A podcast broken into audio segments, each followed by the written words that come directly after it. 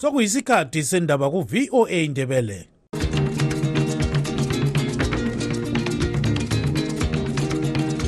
amatshono zihlobo siyalamukela kuhlelo lwethu lwezindaba eziphathelane lezimbabwe. Kustudio 7 eye voice of america sisakaza sisewashington dc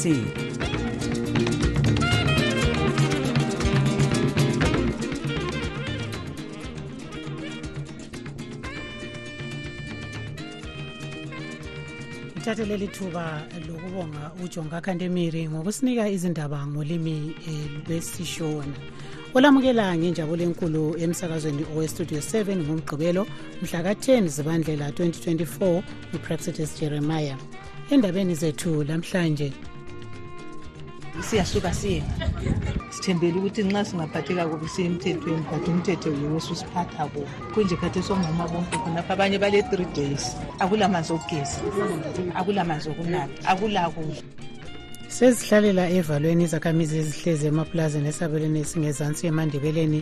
Kulandela ukusungulwa kumkhankaso kahulumende oqhutshwa elizweni lonke wokususa bonke abazihlalisayo emapulazini la team engaba ngunumber three its drc siko because i-south africa so far type of game ibona idlala ngayo ayi-athakhi kakhulu.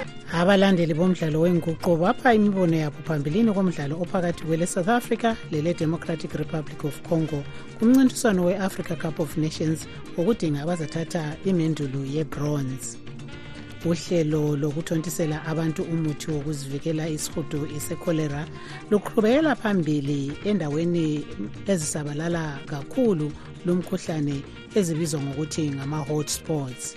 Zonke lezi ndaba lezinye lizozizwa kulo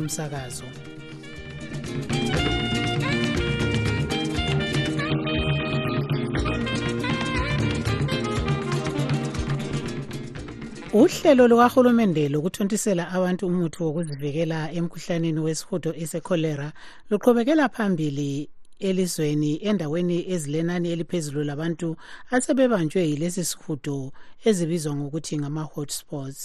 Lezi ndawo zigoqela iharare kariba mberengwa mount darwin mbire mazowe gutu mwenezi chiredzi lezaka. Ngokutshona kwelanga layizolo inani labantu abakade sebehlolwe batholakala belecholera bebesebefika inkulungwane ezimbili phose lengxenye 2477 abanakenekelwa ukubana bake babanjwa yiwo sebesedlula inkulungwane ezingamashumi amabili 23597 kulabasindiye kiwo abedlula inkulungwane ezingamashumi amabili 22853 abanakenekelwa ukubana sebebulewe yilo mkhuhlane baphezu kwamakhulu amane 448 lamlela ndwandwe lamlela ndwandwe lamlelwa msheshwe lamlela nampa bafo bembula lamlela ndwandwe sezihlalela evalweni izakhamizi ezihlezi emapulazini esabelweni esingezansi emandebeleni kulandela ukusungulwa komkhankaso kahulumende oqhutshwa elizweni lonke wokususa bonke abazihlalisayo emapulazini la. Ngolesithathu amapholisa abophe izakhamizi zenyandeni ezifika phose amakhulu amabili zisetheswa umlando wokuzabela umhlabathi okungekho emthethweni. U-albert ncube usipha lolu daba. Ababotshiwe laba bagoqela izalukazi lamaxhegu ontanga kanye labomama abakade belengane ezimunyayo. Omunye walaba betheswa umlando wokuzihlalisa emaplazini okungekho emthethweni.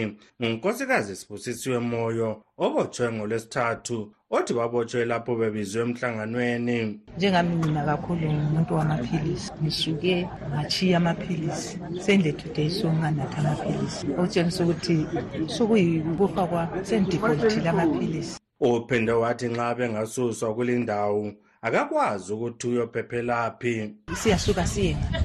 Sithembele ukuthi nxa singaphatheka kubi siye emthethweni but umthetho yiwo susiphatha kubi kunje khathi somama bonke khonapha abanye bale-three days. Akulamanzi okugeza akulamanzi okunatha akulakudla umnumzana edfield moyo uthuza lelwenyandeni njalo wakhulela khona. Ngakho-ke akula lapho angaqonda khona xa engasuswa ngamandla kulindawo ngazizwisa ubuhlungu ngoba isikhathi sonke lesi bebebuya kubhaliswa izinto bebesibhala. Singabantu abakhona. And thina esangena ekuqaleni sasiphiwe lamakhadi ecounseling. Khathesi amakhadi lawana kwathiwa singasawatheli. But lamhla unithwela ikhadi ngapha kumele lithi ulungisele ukuthi uthele suphinde usiza kuthiwa mani lamazwi agcizelelwe ngumnumzana trolip mgala othi umhlabathi bawaphiwa iziphathamandla zikahulumende enyandeni ihlale ngo-1982 mina besahlala ngaphansi komzali wami uthomson nkala lolu sisibanda.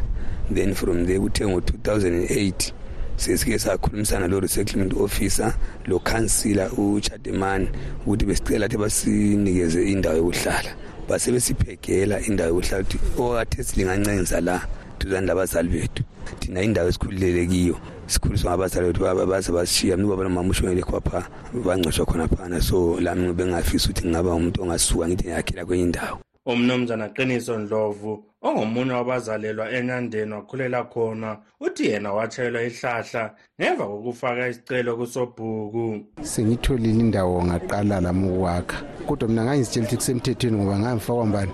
Yisandla sikahulumende esingusobhuku ku-grassroot amapholisa elizweni lonke jikelele esebenzelana labogatsha olubona ngomhlabathi. Basungule umkhankaso wokubopha uzulu ozihlalise ungekho emthethweni emaplazini abawubizwa ngokuthi operation no to land barons. Izakhamizi enyandeni ezifika phosa amakhulu amabili 180 ezibotshwe kusukela ngolwesithathu zizamiswa phambi komthethondaba ngemva kwamaviki amabili. Ayisizo zodwa izakhamizi enyandeni ezibotshwe zasiwe emthethwandaba phansi kwalolu hlelo ngoba solusabalele ilizwe lonke okugoqela imasingo manicaland lezinye. Ingcwethe ezicubungula ezenhlalakahle kazulu lezemithetho zelusola kakhulu uhlelo lolu zisithi iningi lalaba bantu lachiwa ngabamhlophe abaqotshwa emaplazini la njalo abanye babo babelwe lumhlabathi ngabezombusazwe bekhankasela ukuthola usekelo lokuvotelwa. Lezi ngcwethi zikhuthaza uhulumende ukuthi abadingele ezinye indawo zokuya kwakhela khona kulokubaxotshela iganga ngimele umsakazo westudio 7 ngisegwanda ngu-albert ncube lamlela mshweshwe. Lamlela nampa bafowembula ngugama. Okwamanje-ke wathi sizwe ukuthi usithandekile mhlanga westudio 7 usiphatheleni esigabeni lapho esikhangela okuphathelane lentuthuko yabesifazane.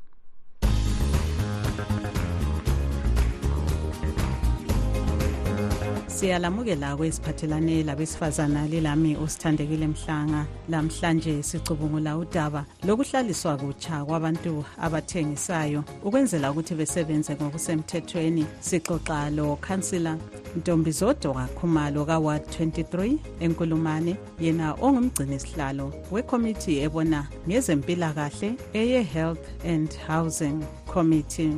Osichasisela ngenyathelo abalithetheyo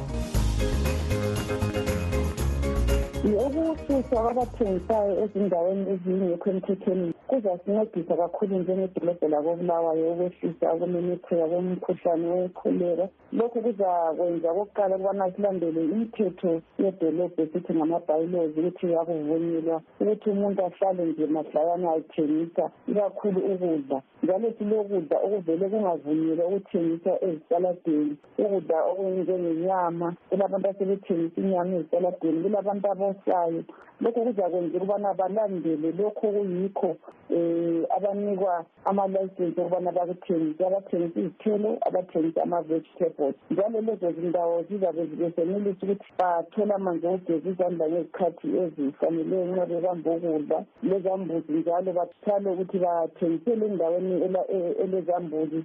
Njalo njengedolobho lakobulawayo-ke um kulamanyathelo athathayo ukuthi kwenziwe imikhankaso yokufundisa abathengisayo labo bonke abahlali bokubulawayo ngokuvikela umkhuhlane wekholera kulula-ke ukubana bathole izixwayiso ebebevele bezithola bezithola edolobho lakobulawayo ezinjengokuthi bageze izandla nxa bephuma ezambuzi kakhulu ngoba kungagezi izandla lokhu abantu bebamba ukudla bephuma ezambuzi abantu abaningi abathengisayo ngabantu abaphuma ngaphandle kwedolobho lakobulawayo bevela ezindaweni ezitshiyeneyo lokudla kwabo abazalakho okutshiyeneyo kodwa nxa silabathengisayo esibaziyo ukuthi bahlalisiwe basuka bathengisela laphana bathengisela laphana kuza kwehlisa inani lokumemetheka komkhuhlane wekholera kuyini okuzaguquka ngalesi sikhathi? Siyabona ukuthi lanxa abantu bephiwe indawo zokuthengisela kuyabe lokhu kulokuxokozela njalo sikhuluma nje bekuvele kuxokozela khonaphana ku-five avenue. Kuzayenziwani ukuthi wonke umuntu alandele umthetho? Abanye siyakwazi ukuthi bazahamba bayithengisa lanxa bengalamvumo iye kuzathathwa kwamanyathelo ukubana umuntu othengisela endaweni engasiyo aphiwe esithi yifayini yokubana kweqile umthetho ngoba sekufike kwaba lokuxwayisana kwaba lokukhulumisana abantu abadinywanga kuhlukunyezwa ilungelo lomuntu. Wonke umuntu sesazi lapha kufanele uye khona. So kuzakwenzakala-ke ukubana abantu baphiwe ukubana bahlawulele ukuqaleyo mthetho okuthengisela endaweni ezingayisiyo njengoba zithile njalo lokuthi kulahla kwengcekeza kulahla amahlayana labo labo bantu abenza okunjalo bazakuhlawuliswa imhlawulo yokuthi balahla ingcekeza amahlayana okunye kuzasincedisa njalo ukuthi um njengegodini ama-vendors azabe esegodini. Nxa sekulemtshovo esukela khonapho abantu bekhwela khonapho izimota kuzabe kusenza ukuthi labo bakunanzelele ukuthi ibhizinesi yabo izabe isendaweni elabantu ukuthi abasoze babalekele abantu besiya ezindaweni ezingelabantu. Uyathengisela khona. Ikhansili yona-ke siyabona abanye besithi iyehluleka ukwethulela abantu imfanelo zayo ngokupheleleyo.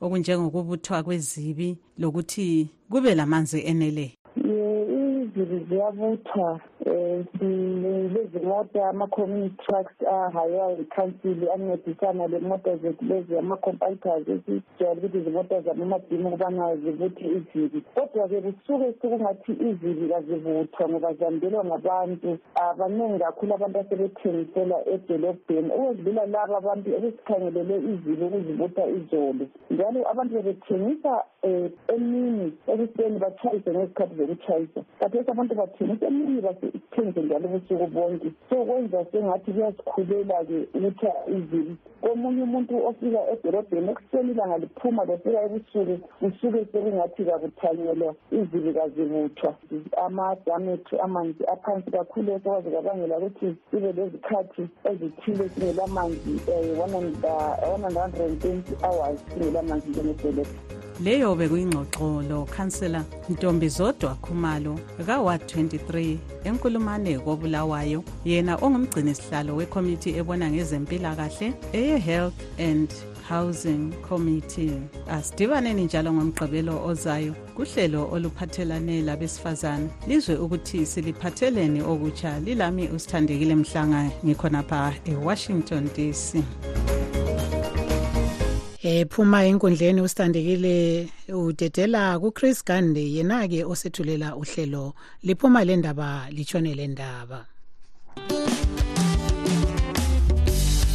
ndaba lingalithona njani izilukandaba siyadibana njalo kuhlelo liphuma le ndaba litshone le ndaba igama lami nguchris gande lamhlanje kuhlelo lwethu sixoxa lomnumzana dumisane ncube omela abaphila ngokuthengisa ezitaladeni. Kugatsha lukahulumende oluphathelane lezamabhizimusi amancane. Okwakuqala ngiyakwamukela kuhlelo mnumzana ngiyabonga babagandi lami ngiyabonga ukuthi ungamukeli ehlelweni lwakho. Siyabona ukubana bayakhala abanye abaphila ngokuthengisa abathi bona imbadalo le okuthiwa bayibhadale nxa befuna ukuyathengisela egodini i-90 dollars inengi kakhulu. Lina lithini ngale imbadalo? Silemzamo esilokhu sisayenza ukuthi sikhulumisane lo-contractor le-council ngendlela abantu ababaphathe ngayo. Um we had our last uh, meeting sile-contractor lapho esasipropose thina ukuthi abantu babhadale i-30 dollars. Yena esithi abantu bangabhadala 50 dollars. Wasesithi usaconsulta ama-principals ethu abuye back um ubaba uchabalala kodwa to our surprise kuthe sokubuya without consultation yethu sokubuya sokusiba yi-90 dollars. Ngikhuluma nje ngingakhuluma lo meya ngambhuka ukuthi kumele sibe lo mhlangano sizame ukuthi sibonisane ukuthi indaba leyi singayiphatha njani ngoba sibona ungani iyabulala abantu kulokuthi incedise abantu. Siyabona ukubana umanisipala usevumile ukuthi abantu bathengise besendaweni le kade kuthiwa basuke ku-five avenue. Ungasitshela ukuthi kwenzakalani? Njalo lina njengabaphila ngokuthengisa lithatha njani lolu daba sibonge kakhulu ukuthi umespara sigcine sesivumelana after a long struggle into ade esasingayilungisa nje kudala kungakawonakali. Abantu bengakagcwala idorobho lonke kodwa ngendaba zokuthi sasidoniselana especially le previous council eyokuthi yayisithi yona kayifuni bantu um ezindaweni zona lezana. Okwagcina kudala ukuthi saba lempikiswano enkulu yokuthi abantu bagcina sebethenga sebegcwalisa sebegcwala istreet bengabhadali lutho. Kodwa ngemva kwe-engagement siyabonga ubaba udube njengo-town clerk wakobulawayo sibonga ubaba ucoltart um njengomeya wakobulawayo ukuthi sikhulumisene saze safika endabeni yokuthi kungcono ukuthi konkona silungise ubulawayo ngokuthi kube lesanithi abantu bakwanise ukuthi bathengise. So ngikhuluma nje izolo bengilomhlangano labantu bonke abathengisayo edorobheni lakobulawayo ukuthi sizame ukulungisa ubulawayo. Manje ubona ungani kuzaba lula yini ukuthi kusetshenzwe kungela kuxabana ngendaba yokubana kulabanye abebandla lelibusayo njalo lokunye okunjalo okade kusenzakala kuzalunga yini khonaphana kuyalunga baba gandi ngoba sivumelene sivumelene singabahlali bakobulawayo. Ngithemba wonke umuntu ule-sense of ownership engathi ngesilungu ukuthi konkona wonke umuntu ubona kuqakathekile sesibone sonke ngendlela efananayo ukuthi ubulawayo kumele alungiswe. So ngaleso sizatho um ngeportfolio yami leyi engikiyo as the advisor on, the, on, on, on smes engu-advisory council ngithi ngisisile ngaconsulta um abantu bonke wo-stakeholders sasabonisana safika esimeni sokuthi madoda silungiseleni ubulawayo sindawonye. Ngithanda ukubonga abakhokheli bonke amabandla ukuthi konkona sikhulume ulimi olulodwa. Lanxa abantu bebecabangela ukuthi engce njengebandla elibusayo kalisoze likuvume khona. Kodwa ngiyabonga especially ubaba ujabulani sibanda ngemva kwe-consultation yakhe le-team yakhe ukuthi siphume lento eyodwa yokuthi sibumbe ubulawayo. Abe ngubulawayo wethu ayikhona ukuthi abe ngubulawayo esimbulalayo. Okokugcina ungavalelisa abalaleli? Ngivalelisa abalaleli ngithi balaleli laba de bethengisela ku-five avenue. Sondelani neduze lirejiste amabizo enu ukwenzela ukuthi sibone ukuthi abantu bonke singabathini singabancedisa njani. Kuzasincedisa khona ukuthi nxa tuthengisela ku-five avenue kumbe uthengisela edorobheni phakathi sokuyisikhathi sokuthi sikline idorobho. So singakathi sithumele kumbe kubuye abantu bomthetho. Sondele eduze sibonisane nini ukuthi singancedisana njani? Ngiyabonga babagandi ukuthi ungxuse ehlelweni lakho. Ngiyabonga balaleli. Lo-ke bekungumnumzana dumisani ncube omela abaphila ngokuthengisa ezitaladeni kugatsha lukahulumende olubona ngezamabhizimusi asathuthukayo. Uhlelo liphuma lendaba litshone lendaba. Igama lami nguchris kande. Asidibaneni njalo ngeviki ezayo sikhathi sinye. Lilale. Uzulu uveza ukukhathazeka ngohlonzi lwemihloliso yezimbabwe. Abazali sebebalekisa abantwana ekubhaleni imihloliso eyezimsec bekhetha ukuthi bebhale eyecambridge. Abathi ipha abantwana isithupha sika-a level esamukeleka ngcono emakolitshini. Imbono ngalolu daba yehlukene. Abanye besithi izimsek ilokhu ithembekile njalo ihlonitshwa emhlabeni jikelele. Ubathabile masuku usethulela lolu daba. Inhlolisiso esithe yenziwa iveza ukuba indawo zika-form 5 ezikolweni ezizimele zodwa ama-private schools zikhanya zisipha indawo kulabo ababhala imihloliso eyecambridge. Kodwa iningi lezinye izikolo bezithatha abafundi ababhale izimsek zisipha abantwana ithuba lokukhetha ukubhala izimsek kumbe icambridge kusibanga seka-a level. Abafundi abaku-form 5 baqala izifundo mhla ka-5 ngenyanga kanhlolanja.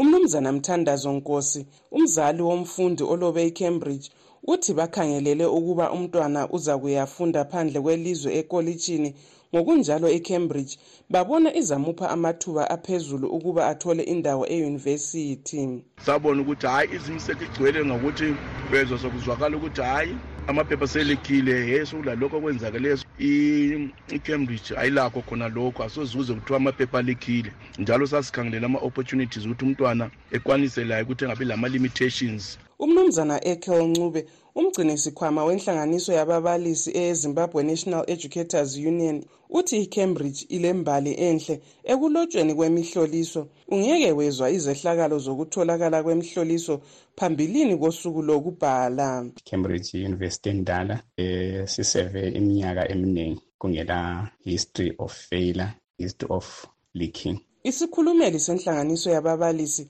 e-amalgamated rural teachers union of zimbabwe atus umnumzana themba kuye moyo uthi imihloliso eyezimsek ayiselahlonzi ngoba sokulezehlakalo zokuba abanye abafundi bazithola belempumelo yemihloliso abangazange bawubhale kanye lokutholakala komhloliso usuku lungakafiki. Icambridge ayilambali yokuvuza kwamaphepha. Izimsek selokhe abakhona elizweni minyaka yonke kulamaphepha avuzayo. Kolunye uhlangothi udokotela sifiso ndlovu umqondisi wenhlanganiso yababalisi ezimbabwe teachers association uthi isithupha sezimsek silohlonzi siyananzelelwa ngamanye amazwe. Icambridge siyalolonga ubungcitshi bokumaneja ama-examination yedlula izimseki yikho lapho esithola khona ukuthi kwesinye isikhathi izimseki ilokukiliza ku-management of its examination. Sithi thina izimseki yebo kambe ingcono nxa kubhadalwa exam fees ezimseki kanti-ke icambridge hhayi iyatshona esikhwameni. Isikhulumeli sezimbabwe schools examination council izimsek unkosikazi nicolette moyo dlamini ukhuluma ngamanyathela abawafakileyo ukuze kuthuthukiswe uhlonzi lwemihloliso yabo egcizelela ukuba impumela yemihloliso yabo iyathathwa ngamazwe onke. Abafundi ababhale imihloliso ngaphansi kwezimsek benelisa ukuba bathole indawo kwamanye amazwe besebenzisa ama-certificates awezimsek. Izimsek iyarecognizwa emazweni wonke. Umnumzana nkosana dube ofundisa ijournalism le-media studies enast uhlaziya uhlonzi lwesimo semfundo ezimbabwe. 2023 izimsek celebrata i-29 percent. But umbuzo kumele sizibuze wona ukuthi kwenzakalani ngenye leyi percentage eseleyo? Sikhuluma ngabout 71 percent kwenzakalani ngalaba bantwana? Isikhulumeli sogatsha lwezemfundo umnumzana thawunkana ndoro wenqabe ukuthathwa ilizwi kodwa uchaze ukuba uhlangothi lozimseki lulandela zonke iziqondiso ezikhangela ngokuqhutshwa kokulotshwa kwemihloliso okwezinga elihlonitshwa ngamazwe womhlaba uphe isibonelo seswaziland athi isitshengise isifiso sokuba abafundi balelo lizwe babhale imihloliso eyezimseki wengeze ngokuba ukufakwa kwekhala sekuphathise ukuthi abafundi bengahlolwa ngokubhala umvimvinya kuphela kodwa baphiwe ithuba lokubonakalisa ukukhalipha kwabo ngokwenza imisebenzi yezandla. Ngimele istudio 7 kobulawayo ngingubathabile masuku. Kwezemidlalo intatheli zindaba yethu yezemidlalo ujoseph njanji usethulela imibono yabalandeli bomdlalo wenguqu phambilini komdlalo omkhulu phakathi kwe-south africa le-democratic republic of congo kumncintiswano owe-africa cup of nations iqembu le-south africa lizadibana le-democratic republic of congo namhla ebusuku kudingwa iqembu elizaphutsha lihlezi endaweni yesithathu kumncintiswano we-africa cup of nations wona ufika emaphethelweni kusasa. Umncintiswano wenkezo e-afcon lonyaka uqhutshelwa kwele-ivory coast olandela iligi ye-south africa uthabo ncube uthi iqembu lebafana bafana linganqoba nxa abagadli balo bengasebenzisa amathuba abawatholayo. I-south africa ingathatha unumber three.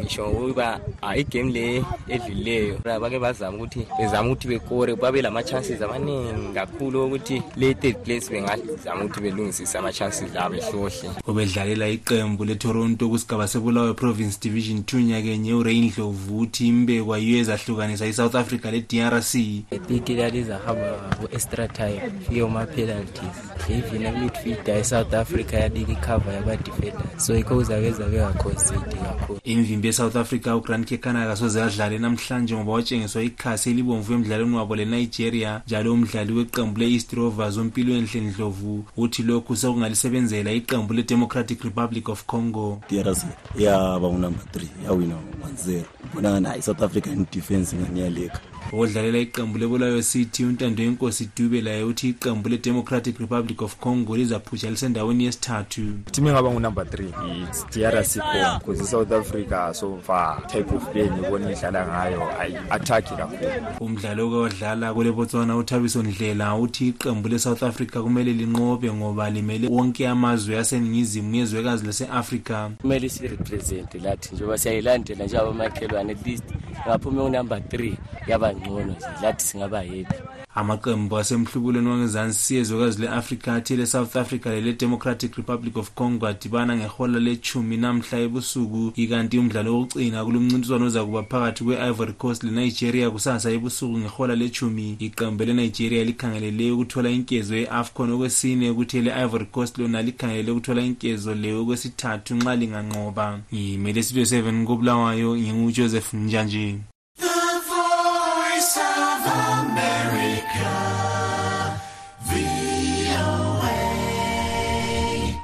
kuhlelo abaculi bethu abaculi bethu liviki sihamba lomculo womdumo kamaskandi unqame bomvu. Yena-ke osanda kwethula isingulo yakhe elesihloko esithi bayokhuluma bethule. Igama lakhe lokuzalwa ngu-onismo golide chuma njalo ucola ekwele south africa. Nangwe ixoxa lontungameli nkomo westudio 7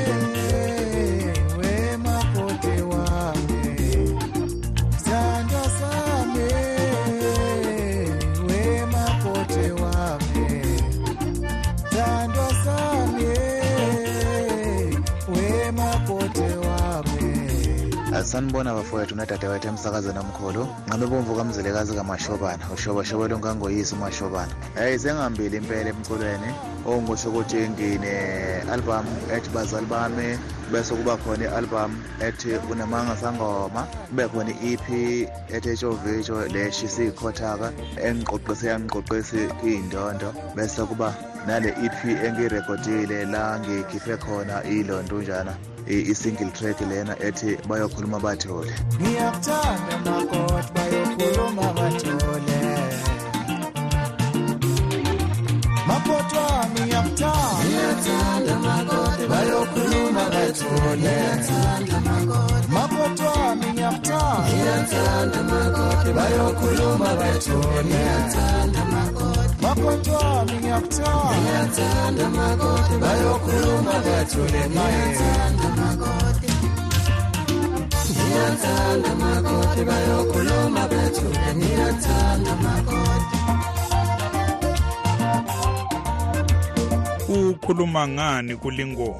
Thini okufanele sikhulumele abomakoti bethu uh, abo-anti iy'hlobo ey'ningi zisuka zingabathandi umakoti so mina-ke njengendoda enobuhlakani ngasengithi hhayi ake ngibakhuzeke bonke abangabathandi abomakoti bethu ngibakhuze ngengoma.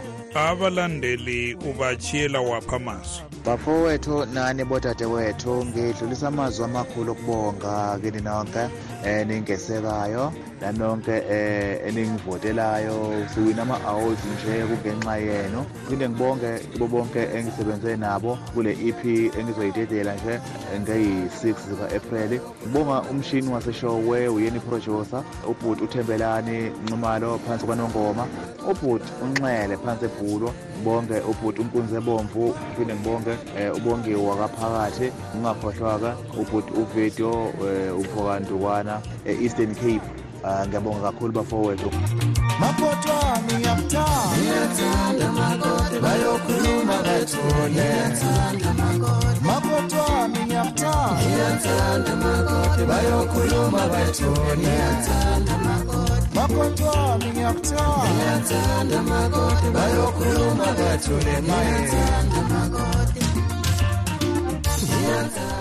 ngilethemba lokuba liwukholisile umculo umdumo kamasigandi esuphiwe ngunqame bomvu. Singekehlukanisi. Uthi sesifike emaphethelweni yohlelo lwethu lwalamhlanje olivalelisayo ngupraxitis jeremiah. Siyalibonga ngokulalela kwenu. Asibeke ithuba elifanayo kusasa kustudio 7 kusukela ngo-half past 7 kusiya ku-8 o'clock ntambama kuhlelo lwezindaba zezimbabwe.